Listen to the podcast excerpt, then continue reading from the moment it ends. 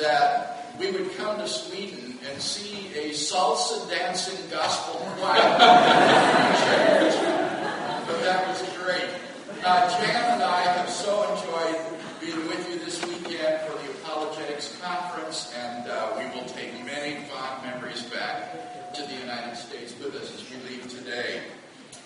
I've been a Christian now for over 40 years. During my Christian lifetime, I figure that I have attended thousands and thousands of church services, as well as hundreds of meetings at Christian conferences, retreats, chapels, and so on. And yet, during that entire time, I never once, not a single time, in all of those thousands of meetings over some 40 odd years, ever heard a speaker address the question of failure. In fact, I probably would not have reflected seriously upon this subject myself had it not been for a crushing personal failure that drove me to face the problem personally. Now, this silence on the part of Christian speakers and preachers is not due to any lack of importance of the subject. Any Christian who has failed at some time in his life knows how devastating the experience can be and the questions that arise. Where is God? How could he let this happen? Am I outside his will? What do I do now? Does God really care or even exist? These are agonizing questions. What is the meaning of failure in the life of a Christian? In addressing this problem this morning, it seems to me that we need to distinguish, first of all, two types of failure. What I call failure in the Christian life and failure in the life of a Christian. By failure in the Christian life, I mean a failure in the believer's relationship and walk with God. For example, a Christian might experience failure due to a refusal to heed God's calling, or by succumbing to temptation, or through marrying a non Christian. Failure of this type is due to sin. It is essentially a spiritual problem, a matter of moral and spiritual failure. By contrast, what I'm calling failure in the life of a Christian is unrelated to spiritual considerations. It's not due to sin in the life of a believer. It's just some defeat that a person who happens to be a Christian experiences in his day to day life. For example, a Christian businessman might go bankrupt. A Christian athlete might see his boyhood dreams shattered through a career ending injury. A Christian student might flunk out of school despite his best efforts to succeed. A Christian working man might find himself unemployed and unable to find a job. Such cases are not instances of failure in a person's walk with God, but rather are instances of failure in the ordinary course of life. They just happen to occur in the lives of people who are Christians. Now, I have no particular difficulty understanding failure in the Christian life. Of course, sin leads to failure. What else could we expect? Nor is the solution to this kind of failure difficult to understand repentance, confession, faith, and obedience.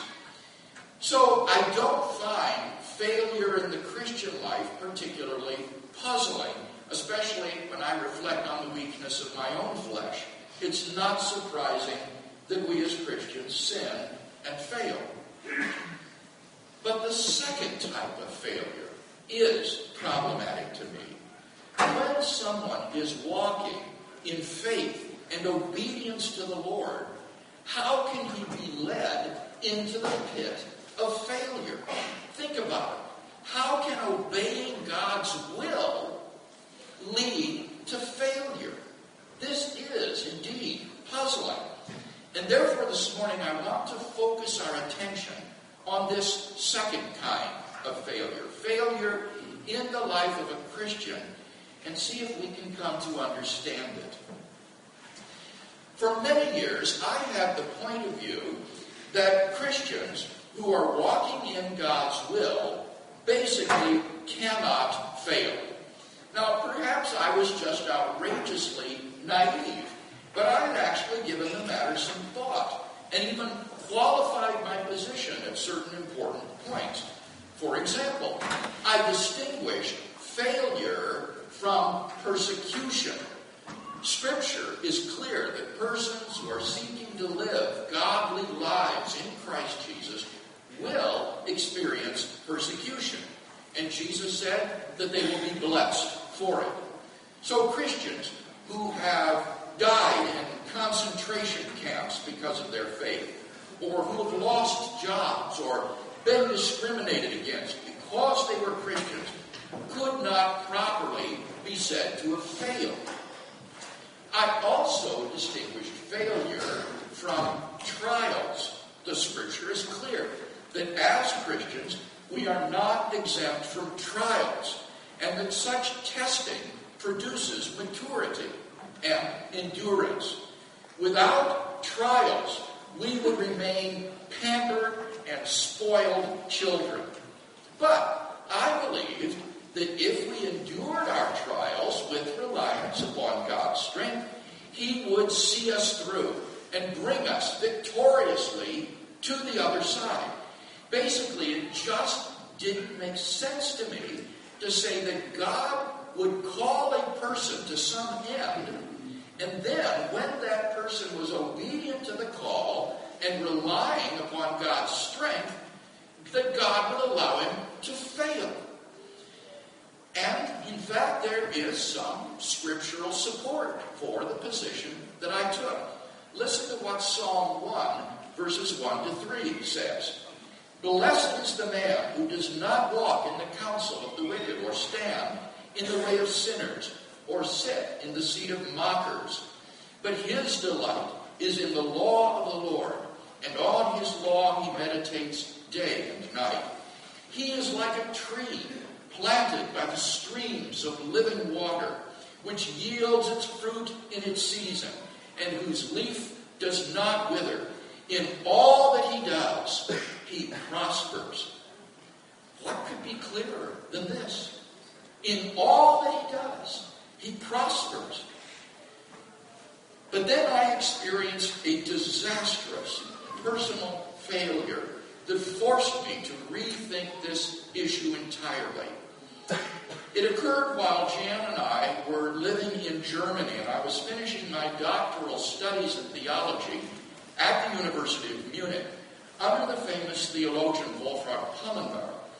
My dissertation had already been approved, and all that remained was to pass the oral examination in theology, ominously called the rigorosum.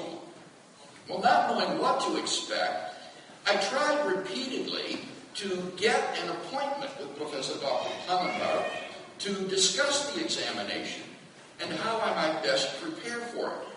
But I was never able to succeed in seeing him. German professors tend to be much more reclusive and isolated than one might think. And so I went to his teaching assistant, a brilliant young theologian who had also earned his doctorate under Pannenberg. He brushed aside the idea of preparing for the examination. Forget it, he advised. Well, I wasn't that stupid. Uh, so I pressed him further on how I might prepare. Pannenberg always asked questions over his own writings alone, he responded. Just read what he has written. Well, that seemed to me to be a, a good strategy. And so over the next several weeks, I read and studied virtually everything that Pannenberg had ever written. I felt confident that I had mastered his thought. On the day of the examination, I entered Pannenberg's office.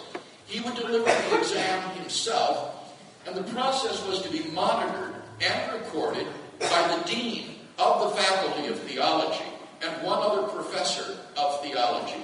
We shook hands all around and then sat down for the questioning to commence.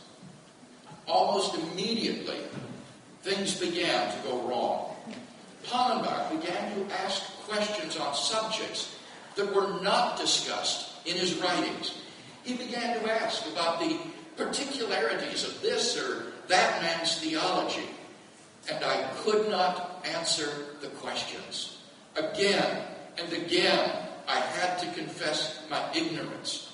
I cannot convey to you the sense of helplessness and fear that swept over me. It was physically palpable. Question after question. I realized that I was watching my doctorate slip away from me.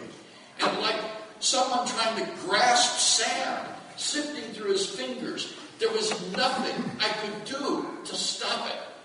This torture went on for nearly an hour.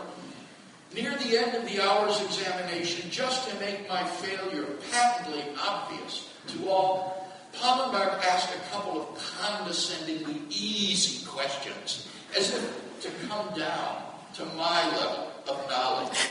My humiliation was complete. Devastated, I left the theology department to meet Jan. We had planned to go out to dinner to celebrate. She came rushing up to me, smiling with a look of expectancy in her eyes. And I said to her, honey, I failed. She just couldn't believe it. It was just before Christmas and we had planned to fly home on the 23rd of December uh, to visit my family and then begin teaching at my new appointment at Trinity Evangelical Divinity School after the new year. And now we find ourselves going home in defeat. As if to add injury to insult, on the flight home, Lufthansa lost our IBM typewriter, Jan's handbag, in which her most valuable personal effects uh, were packed was stolen, and I lost both of my contact lenses. but those material losses were nothing compared to losing my theological doctorate and the turmoil I felt inside over it. I just couldn't understand how God could have let this happen. He had called us to Germany and had miraculously supplied the finances for my study. We were walking in His will. I was sure of it. I hadn't been negligent or overconfident. I had tried uh, numerous times to see Pannenberg in advance, but he was always too busy for me. And so I prepared the best way I knew how. But especially, we had prayed earnestly and faithfully for this examination. And there were others, too, spirit filled Christians in the United States who were praying for this examination as well. The examination itself had been entirely fair. I, I couldn't deny that. I had just failed it. That's all. But how could God have let it happen? What about his promises? In all that he does, he prospers. Whatsoever you ask in my name. It wasn't just that I had failed an examination. More than that, my failure was a spiritual crisis in faith for me. I felt hurt uh, and disgraced. But even more, I felt betrayed by God. How could I ever trust Him again? As I worked through my feelings in the ensuing days, it became clear to me that Psalm 1 just could not be construed as some sort of blanket promise that Christians will uh, always succeed, that Christians just don't prosper in everything they undertake. Sometimes they do fail, and that's just a fact. Now, somebody might say, you can't use human experience to nullify God's word. God's promises stand, regardless of your experience. But the problem with this response is that the scripture itself gives examples of such failure. For example, God had promised to give the land of Canaan to the 12 tribes of Israel. But in Judges chapter 1 verse 19 we read, "The Lord was with the men of Judah. They took possession of the hill country, but they were unable to drive the people from the plains because they had iron chariots. Now look at what it says here. The Lord was with the armies of Judah. But despite that fact, although they conquered the hill country, they failed to defeat their enemy in the plain because the rascals had iron chariots. It doesn't seem to make sense. God was with them, and yet they failed. How do you understand such failure life of the believer? Now, some people might answer this question by claiming that God has no specific will for your life. God's will is his general desire that uh, believers should obey his ethical and spiritual commands, that we should develop a Christ like character and so forth. But he has no specific will for individual persons that include such matters as getting a doctorate or marrying a certain person or entering into a particular business deal. When we undertake such things, we do so wholly on our own initiative, and so we might well wind up in failure. But this solution strikes me as inadequate, despite its apparent appeal to some people. In the first place, it implies a deficient concept of God's sovereignty, providence, and guidance. Although the Bible teaches human freedom, it also has a strong emphasis on God's sovereign control and providential direction of everything that happens. Nothing happens in the world with God without God's either directly willing it or in the case of sinful actions, at least is permitting it to occur. Moreover, God has so providentially ordered the world that his ends will be accomplished through the decisions that we freely make. Our decisions then cannot be a matter of indifference to God. Moreover, God has promised to guide us in what we decide to do. The scripture says, In all your ways acknowledge him, and do not lean on your own understanding. In all your ways acknowledge him, and he will direct your paths. Now, all of this suggests that God does have a specific will for your life. But that point aside, in the second place, this proposed solution doesn't actually get at the heart of the problem. For even if God doesn't have a specific will for our lives, the fact remains that He has promised to be with us, empowering and helping us. And that's why the example in the book of Judges is so puzzling. The Lord was with them, and yet they failed. So, even if God has no specific will for our lives, that still doesn't explain how we can fail in things that we decide to do in His strength. And so, I was led to what was for me a radical new insight into the will of God. Namely, that God's will for our lives can include failure.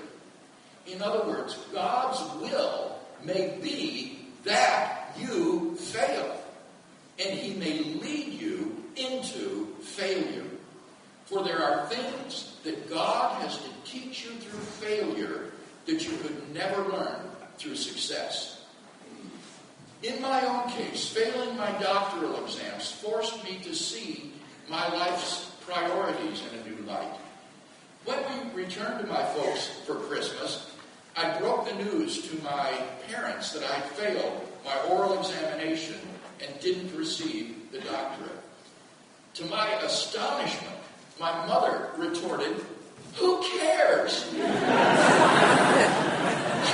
I was stunned. To me, it seemed like a catastrophe of a lifetime. But But she just shrugged it off as though it didn't even matter. And it dawned on me that in one sense it really didn't matter. That there are a lot more important things in life than doctorates, publications, and academic fame. In the end, it was human relationships that really mattered, especially family relationships. My mind went back to a scientist we had met in Germany who had been divorced from his wife for several years and who wanted with all his heart to return to his wife and little boy. When I was first married, he told us, I had spent all my time in the laboratory.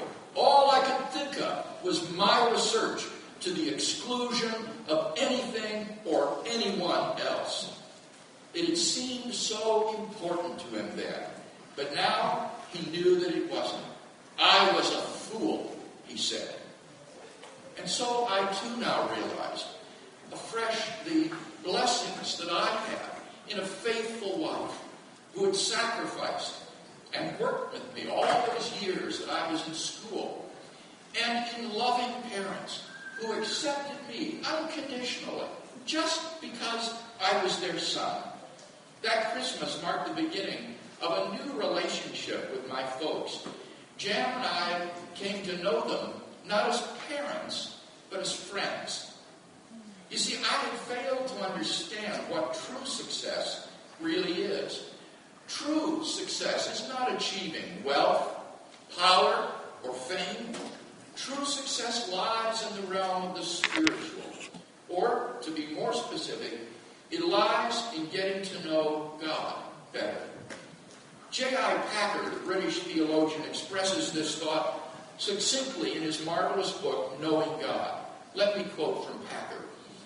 He says, We have been brought to the point where we both can and must get our life's priorities straight.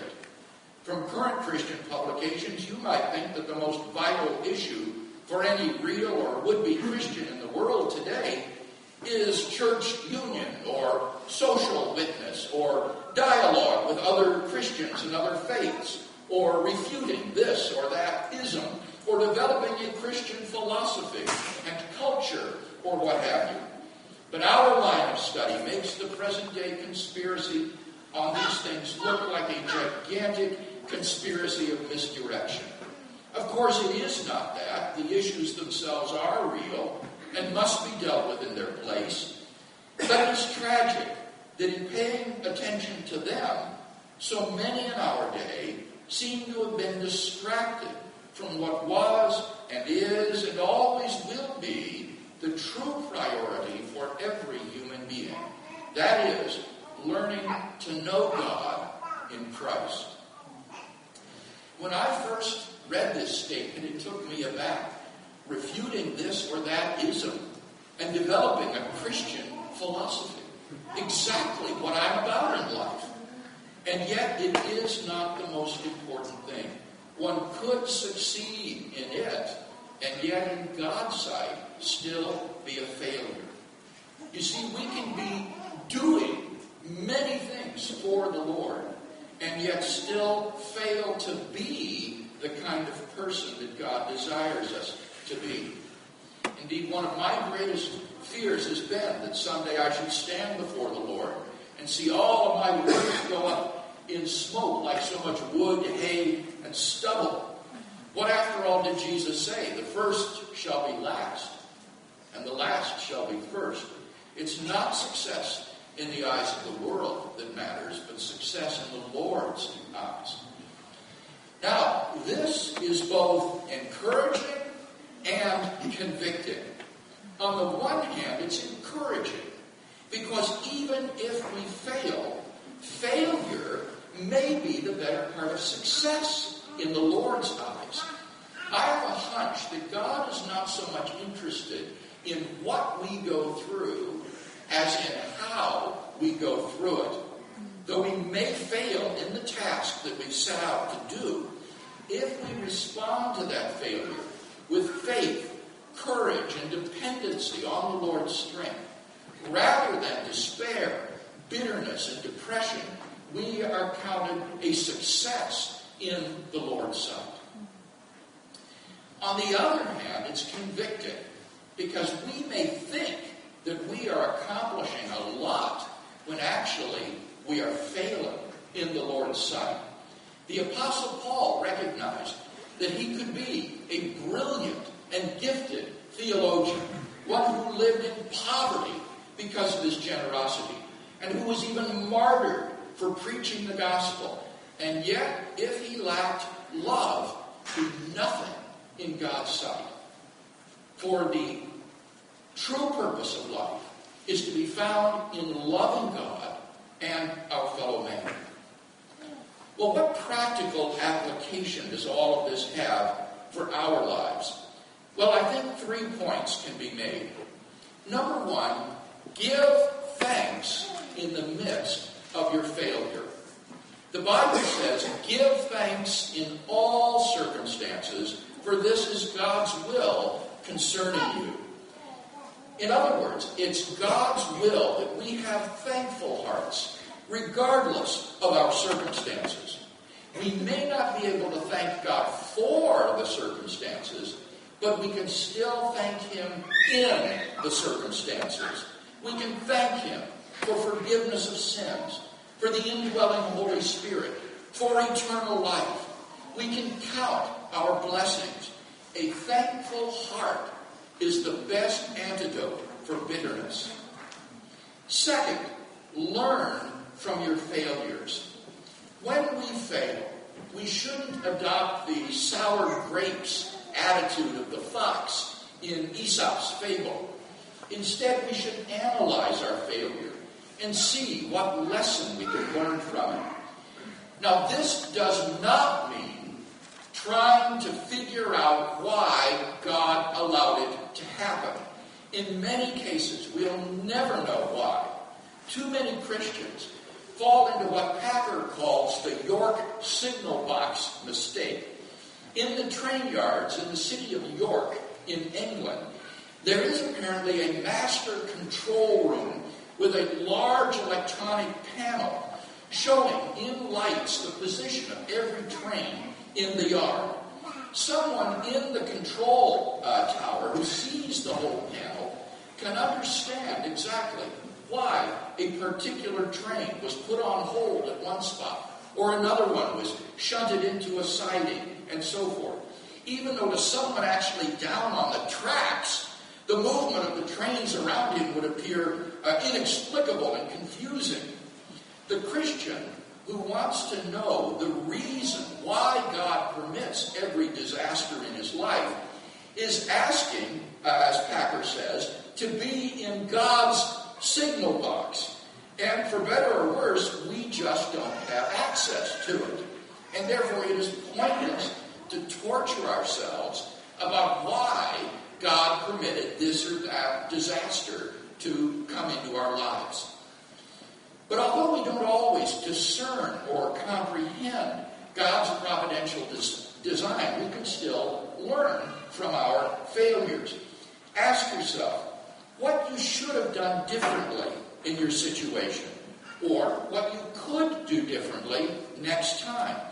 Ask yourself what sort of reaction God wants you to have, or what character trait can be developed in you as a result of the defeat. Learn from your failure.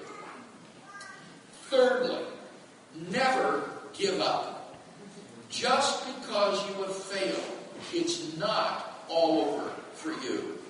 Here, the example of a man like the American president, Theodore Roosevelt, is instructive. Weak and sickly as a boy, Roosevelt battled mightily to achieve great things. He was the only president ever to be awarded the Congressional Medal of Honor for valor on the battlefield. Roosevelt, on one occasion, declared, and I quote, The credit belongs to the man who is actually in the arena, whose face is marred by dust and sweat and blood, who strives valiantly, who errs, who comes short again and again, because there is no effort without error and shortcoming, but who does actually strive to do the deeds, who knows great enthusiasms, the great devotions, who spends himself in a worthy cause, who at the best knows in the end the triumph of high achievement, and who at the worst, if he fails, at least fails while daring greatly, so that his place shall never be with those cold and timid souls who know neither victory nor defeat. You're never finished just because you failed. You're only finished if you give up and quit. Never quit. Stay in the arena. With God's strength, pick up the pieces of your failure and go on having learned from it. That's what we did in our case. At German universities, if you fail the oral examinations the first time, you can retake them. Jan and I both knew that I had to try again, and our friends encouraged us to do so. So, after beginning to teach at Trinity, I spent the next entire year preparing again for the big Wiederholung. I worked through Harnack's prodigious three-volume Dogmengeschichte, Pelikan's multi-volume history of the development of doctrine, Cunliffe Jones's history of, the Christ, of Christian doctrine, Loofs Dogmengeschichte, two lengthy study guides on the whole of dogmatics prepared for German university students in theology, as well as studying the documents of the various church councils and creeds readings in the church fathers, works on contemporary theology, and so forth. By the time the year was out, I had a stack of notes about a foot high, which I had virtually memorized, and I was prepared to answer questions in any area of systematic theology, be it Christology, anthropology, soteriology, or whatever, from the early apologists to the Middle Ages, through the Reformation, the Enlightenment, and the 20th century. I was set. And I was scared to death. when I walked into Pannenberg's office, everything looked pretty much the same as before. But this time, it was different. Pannenberg began with the doctrine of the Trinity, starting with the Logos doctrine of the early uh, Christian apologists. And to my joy, which I could scarcely conceal, as the examination continued to unfold, I found myself readily responding to each question with full and accurate answers. The only question that I tripped up on was the one about why Hegel's doctrine of the incarnation entailed the death of God. And I didn't feel too badly about missing that one. Himself was clearly delighted with my success and awarded me a magna cum laude for the examination. I was dancing on air. so it was a victory for the Lord in the end. But the victory was not just in passing the examination. For not to mention the spiritual lessons that I had learned, I also discovered a sobering truth. I found that I had been trained in seminary in the history of Christian doctrine. The training in systematic theology that American evangelical seminaries generally give their students is but a pale shadow of what German university students in theology receive. Is it any wonder then that skeptical German theology leads the world? How can we ever hope that evangelical theology will become a leading model if we do not begin to train our students with the same rigor and thoroughness that characterize German theological instruction. I can say without hesitation that during that one year of intense study and preparation, I learned more about systematic theology than I did during my entire seminary training.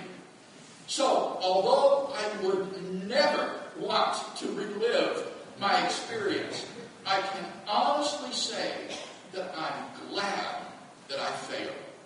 Because as a result of that failure, I became theologically equipped for the Lord's service in a way that would never have been possible had I passed. And I'm so glad that we didn't quit. Suppose we had just given up. Let's say in the humiliation of my failure, I had lost hope and not tried to take that exam a second time. The pangs of defeat would have haunted me every time I thought of my failure or opened a book on systematic theology. I wouldn't have had that year of intensive study, and I would have remained in my anemic state of theological knowledge. The years would have passed, and I would have continually asked myself the question should I have tried again? Even if I had tried and failed the second time, I would still have been better off than by quitting. I would have at least failed while daring greatly. I would have at least remained in the arena. So, when you encounter failure, don't give up. Ask for the strength to go on. He will give it to you. In fact, there is a biblical name for that quality. It's called endurance. Through failure, if you respond correctly, God can build the character quality of endurance into your life. Failure in the life of a Christian, then, should not surprise us. God has important things to teach us through failure. And true success, the success that counts for eternity, consists in learning those lessons. So, when you fail, don't despair or think that God has abandoned you. Rather, give thanks to God, learn from your failures, and never give up. That is the formula for true success.